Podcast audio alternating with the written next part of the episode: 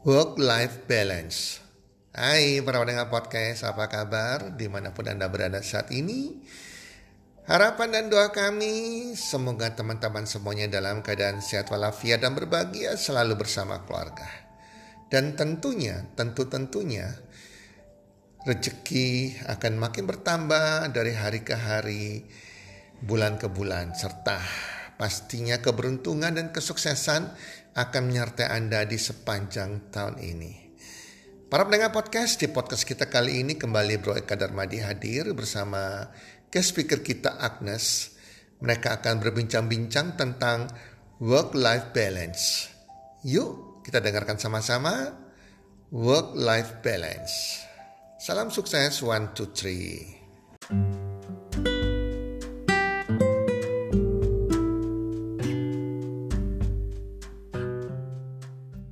Halo semua, pada episode podcast kita kali ini dengan judul Work-Life Balance. Nah, pada kesempatan kali ini saya mengundang teman saya, Agnes. Halo Agnes. Hai Ko, gimana kabar? Baik dong. Nah, luar biasa. Thank you ya udah mengisi lagi ya Nes ya. Sure. Ini saat-saat aku bisa diundang lagi. Oke. Nah, Nas, kamu intro dikit hmm. dong tentang siapa dirimu, Nas okay. um, Agnes sekarang bekerja sebagai salah satu guru di International School, dipegang di bagian Economics and Accounting, juga uh, asisten dosen di salah satu universitas, juga ada beberapa online job sih yang aku jalankan kalau sekarang. Oke, oke.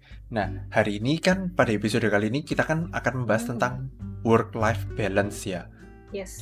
Nah, menurut menurut Agnes nih, apa sih itu work-life balance itu, Nas? Well, work-life balance tuh kayak kita sebagai manusia tuh bisa ngatur antara pekerjaan dan kehidupan pribadi jadi itu seimbang gitu sih. Kalau work life balance ya? Cakupannya cukup luas kalau kalau work life balance. Termasuk tanggung jawab secara ke keluarga tanggung jawab sebagai personal terus kayak banyak sih macamnya. Dan dan semuanya itu kita secara sadar bertanggung jawab atas full atas semua kegiatan itu. Jadi kerjaan oke okay, kehidupan keluarga juga oke. Okay. kalau buat Agnes sendiri nih sekarang itu skala prioritasnya ya antara pekerjaan keluarga dan satunya lagi ini mungkin kegiatan kayak di gereja atau pelayanan mm-hmm. itu skalanya kayak gimana kalau buat Agnes saat ini? Prioritasku keluarga sih yang pertama. Pertama keluarga, kedua pekerjaan, terus yang ketiga ini agak sedikit asing ya, mungkin beberapa orang lebih mendengarkan pelayanan. Yang ketiga aku baru pelayanan. Kenapa begitu? Agnes cukup tipe ini ya, kayaknya tipe family banget lah, family person banget jadi pelayanan, Agnes tipe pelayanan yang menjadikan pekerjaan sebagai pelayanan. Jadi di mana pun, aku merasa bahwa that's my ministry. Jadi bukan cuma di gereja, bukan cuma di JG atau bukan cuma di Komsel, enggak, bukan sebatas itu pelayanan itu. Tapi menjadikan pekerjaan kita tuh sebagai apa ya saluran berkat buat orang lain maupun apa ya alat Tuhan lah untuk untuk lebih menjadi berkat bagi orang lain di sana. Oke. Nah, Nas, kamu bisa kasih hmm. contoh nggak nih? Contoh work-life balance itu kayak gimana, Nas? Gini sih, berdasarkan Agnes ya. Jadi orang-orang kan biasa beda-beda tuh. Kalau Agnes ngaturnya Senin sampai Kamis, aku bakal full urusan kerjaan, urusan pelayanan, aku direktur komsel juga, terus urusan kayak misalkan podcast gini gitu kan, atau banyak hal, urusan dengan teman-teman, dengan siapa. Weekend, biasanya antara satu dua hari antara Jumat satu Minggu biasanya buat yang out sama teman-teman maupun sama keluarga. Tapi pasti di antara sela-sela hari malam biasanya makan malam aku pasti sama keluarga. Kalau misalkan nggak sempet banget baru akhirnya aku, aku bisa telepon tapi aku nggak makan di rumah ya gitu. tapi sebisa mungkin dinner di rumah terus juga hari Minggu biasanya sama sama keluarga sih kalau misalkan ada pacar ya sama pacar. Kalau misalkan ada teman yang maksudnya bisa gabung sama yang banyak orang ya nggak apa-apa. Tapi make sure tetap ada waktu buat keluarga. Jadi bukan cuma waktu spend time ya tapi quality time. Kayak cerita hari ini ngapain terus kayak seminggu ini kita ngapain project ke depan ngapain. Terus misalkan ada usaha nih usaha baru cerita ke, ke orang tua ke kakak misalnya ke orang tua. Ya paling nggak jaga jaga komunikasi lah itu sih kalau aku. Oke menurut Agnes nih kenapa sih kok penting buat ses- seseorang itu memiliki yang namanya work life balance. kita sebagai manusia ya kadang nggak bisa hidup dengan kerja terus nggak bisa pasti. Personal life banget juga nggak bisa jadi kayak terlogik logik banget. Perasaan perasaan banget kan nggak bisa juga. Kenapa work life balance? Kita sebagai manusia perlu kebutuhan psikologi kita ada. Kebutuhan rasa terpenuhi dengan keluarga dengan pertemanan itu ada. Paling nggak seimbang lah karena kalau kita jadi apa ya istilahnya kayak workaholic terus jadi kayak stres berlebihan bisa jadi depresi juga.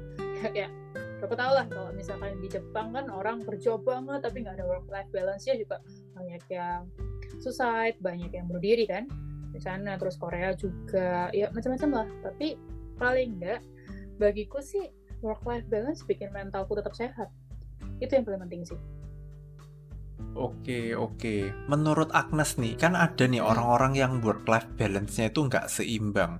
Menurut Agnes, kenapa sih kok bisa ada orang yang work life balance-nya ini nggak seimbang gitu, Nes? bisa jadi karena prioritasnya masih belum belum diatur dengan cukup baik sih aku udah aku nggak menjudge seorang ya tapi bisa jadi misalnya nih Arjen ada janjian Sabtu gitu kan. Kita udah janjian nih sama keluarga keluarga besar nih makan. Terus tiba-tiba dari kerjaan ayo kita harus meeting Arjen gitu. Ya itu pilihan sih. Kita mau mau pilih yang mana gitu. Kalau sekarang online mungkin lebih mudah kali ya. Jadi kita oke kita kumpul sama keluarga kita juga bisa meeting online kalau sekarang. Tapi kalau dulu kalau zaman zaman itu kan nggak bisa. Ya kita harus pilih salah satu. Nah di situ pentingnya komunikasi. Kalau orang yang work life nya nggak seimbang misalnya nih kayak live banget ketika kita nggak komunikasi dengan keluarga jadinya mereka merasa, merasa bahwa kamu tuh kok workaholic banget sih? Kamu kok nggak istilahnya kamu kok nggak mikirin kerjaanmu sih? Kok kamu di rumah terus? Kok kamu sama aku terus? misalnya kayak gitu. Ya jadi membuat se netral mungkin se general mungkin bahwa setiap work and life itu ada partnya jadi kalau misalkan nggak seimbang berarti antara ada prioritas atau seolah-olah tidak memprioritaskan salah satunya merasa gitu heeh. Oke, thank you, thank you. Nah, kalau menurut Agnes nih, kalau buat orang-orang yang working life balance-nya ini kurang balance nih, Mm-mm. menurut Agnes gimana caranya mereka ini bisa improve working life balance-nya? jujur ya aku bikin work life balance tuh cukup lama ada satu quotes yang bilang simple itu berasal dari kerumitan yang cukup panjang. Work life balance bisa aku capai pada saat aku punya agenda yang detail. Jadi waktu tuh aku masih ingat waktu zaman kuliah. Jadi waktu zaman kuliah tuh aku kuliah sambil kerja. Jadi part time gitu misalkan pagi aku kuliah siang aku kerja sampai sore sore aku kuliah sampai malam itu hampir kayak seminggu dua tiga kali. Dan itu pun aku masih ikut panitia masih ikut pelayanan juga di di kampus waktu itu. Eh, itu oh gila banget itu kayak. Tapi aku di sana merasa bahwa aku perlu mengatur setiap detail jamku jam berapa. Jadi karena mungkin karena itu ya aku dilatih. Terus juga sabtu minggu biasanya kalau sama keluarga kita harus pergi kita nggak harus sih tapi kita biasanya pergi jalan-jalan makan atau dan sebagainya. Jadi tugas kerjaan kuliah pelayanan sama panitia aku pada saat itu berusaha semaksimalku untuk tetap balance. Jadi aku bikin agenda secara detail. Jam 8 sampai jam 10 aku ngapain? Jam 10 sampai jam sekian aku makan berapa jadi kayak ya pada saat itu belum belum ini ya belum terlalu tren antara work life balance dan ngelihat ada anak kuliahan megang agenda segede gitu tebel banget kan agenda harian itu. Dan mereka juga cukup kaget kayak ah Agnes kamu kok bikin agenda sete- setebel ini? Kamu ngapain aja? Aku bilang iya aku ini ini ini. Jadi pada saat itu aku mulai melatih sih. Mungkin learning by doing kali ya supaya bisa meningkatkan work life balance.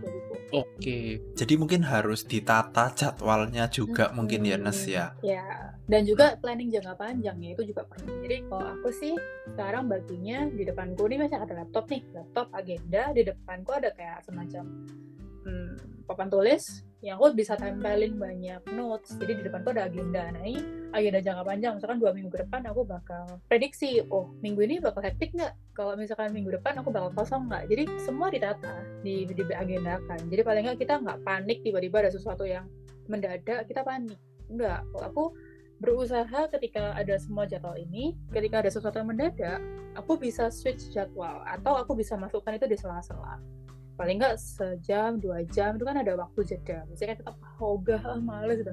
Nggak bisa. Kalau mau work-life balance ya satu dua jam itu bahkan even tidur. Aku tuh ada ada satu hari di mana aku siang pasti tidur. Karena eh, misalkan pulang kerja nih habis ngajar siang gitu, aku pasti tidur satu jam dua jam jadi ada alarm gitu satu jam dua jam kalau nggak bisa tidur juga aku cuma rebahan tapi pasti istirahat setelah itu sorenya aku ngajar lagi dan itu harus karena kalau enggak work life balance kan juga quality sleep quality-nya juga harus terjaga toh. Jadi ya uh, learning by doing lah pelan-pelan termasuk juga workout. Nah yang ini yang lagi kurang sekarang. Jadi harus balance all the things you have to balance. Nggak nggak mudah sih cuman bisa lah. Oke. Okay. nah Nas di masa pandemi kayak sekarang ini ya, buat kamu susah nggak sih buat work-life balance di masa pandemi seperti sekarang ini? Hmm, work-life balance dari sisi apa nih? Yo, pekerjaan dan kehidupan sosial mungkin ya. Kalau kehidupan sosial kan kita lagi social distancing ya, jadi nggak terlalu keluar-keluar, tapi paling nggak chatting lah, chatting. Kita biasanya pas uh, ini sih, hmm, tapi menurutku lebih mudah kali ya kecuali ketemu sama orang baru tapi orang baru sekarang ada clubhouse ada zoom ada apa jadi semua bisa alternate. Cuman bagiku work life balance mungkin pekerjaan remotely itu kayak susah bagi kita di awal. Tapi sekarang lebih mudah malah kalau misalkan kita mau aku mau ngajar gitu ya di mana pun bisa. Yang lebih kerasa itu waktu dengan keluarga sih. Jadi biasanya tuh kan kita harus uh, misalkan sehari tuh uh, dari jam berapa jam berapa ngajar mana gitu kan terus habis itu meeting sama siapa? Sampai malam jam 10 jam 9 baru pulang. Besoknya lagi berangkat. Waktu buat ketemu keluarga kan dikit. Sekarang gue bisa di rumah sambil ngobrol nih jadi selang-selang aja. Kan ada break setelah 10 menit 20 menit. Makan ngobrol sama mama apa segala macam.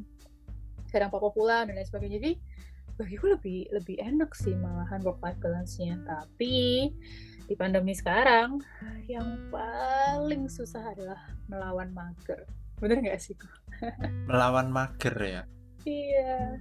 Ya paling tuh melawan mager kalau sekarang. Jadi kayak uh, apalagi kita di ruangan ya. Kita kan selalu di ruangan tidur tidur kerja makan mungkin sebagian yang kos itu di tempat yang sama. Itu kan bayangin cuma terkotak tiga kali tiga karena rumahnya kecil.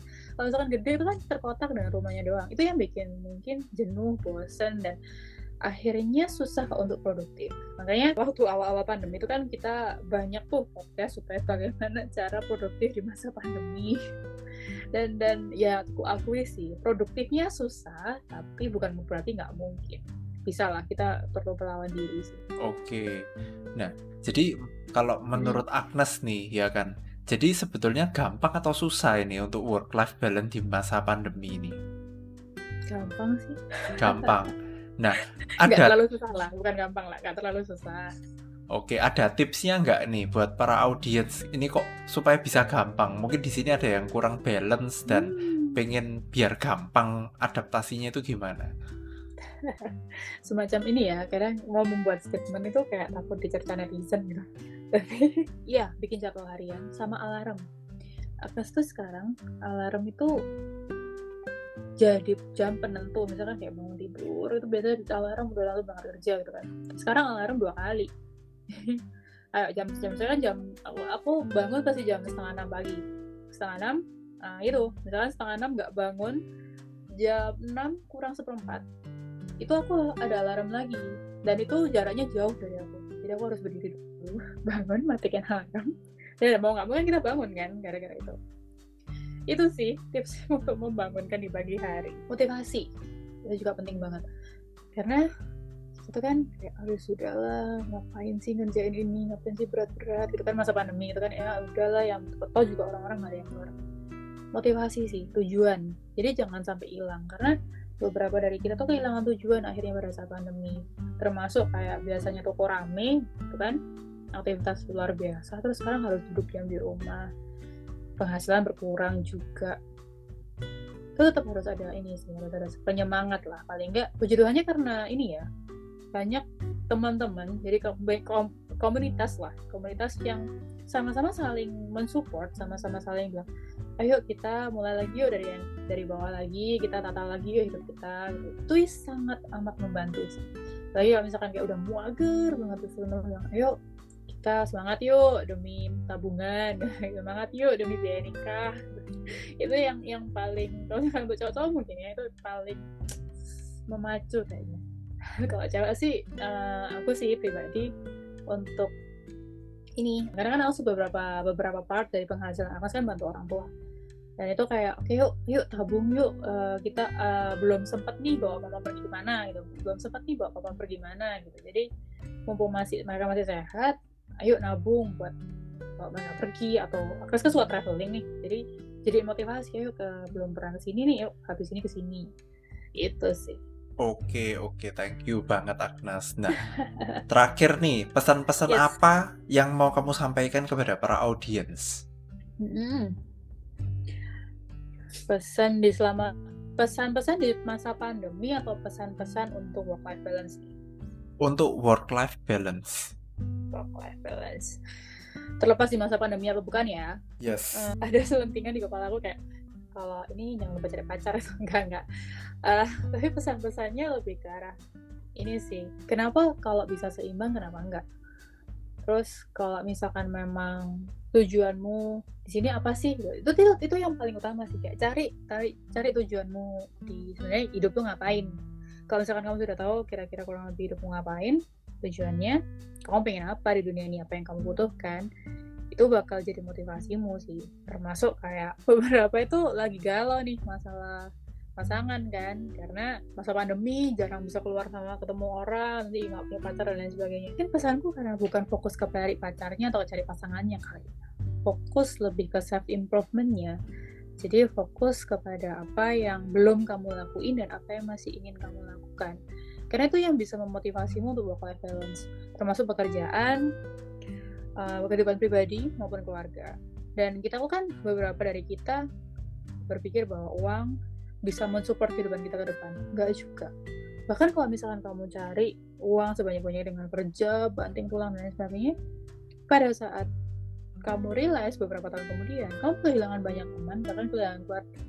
Kehilangan bukan berarti mereka menghilang atau meninggal ya enggak. Tapi kamu kehilangan momen-momen penting dalam hidupnya mereka pentingnya work life balance tapi nggak ada dibilang susah susah tapi nggak ada yang mau mungkin Oke, thank you banget ya Agnes ya buat waktunya ya Agnes ya. sama kok as honor for me Oke, buat para audiens, sekian episode dari kami. Sampai jumpa di episode-episode selanjutnya. Dadah. Bye.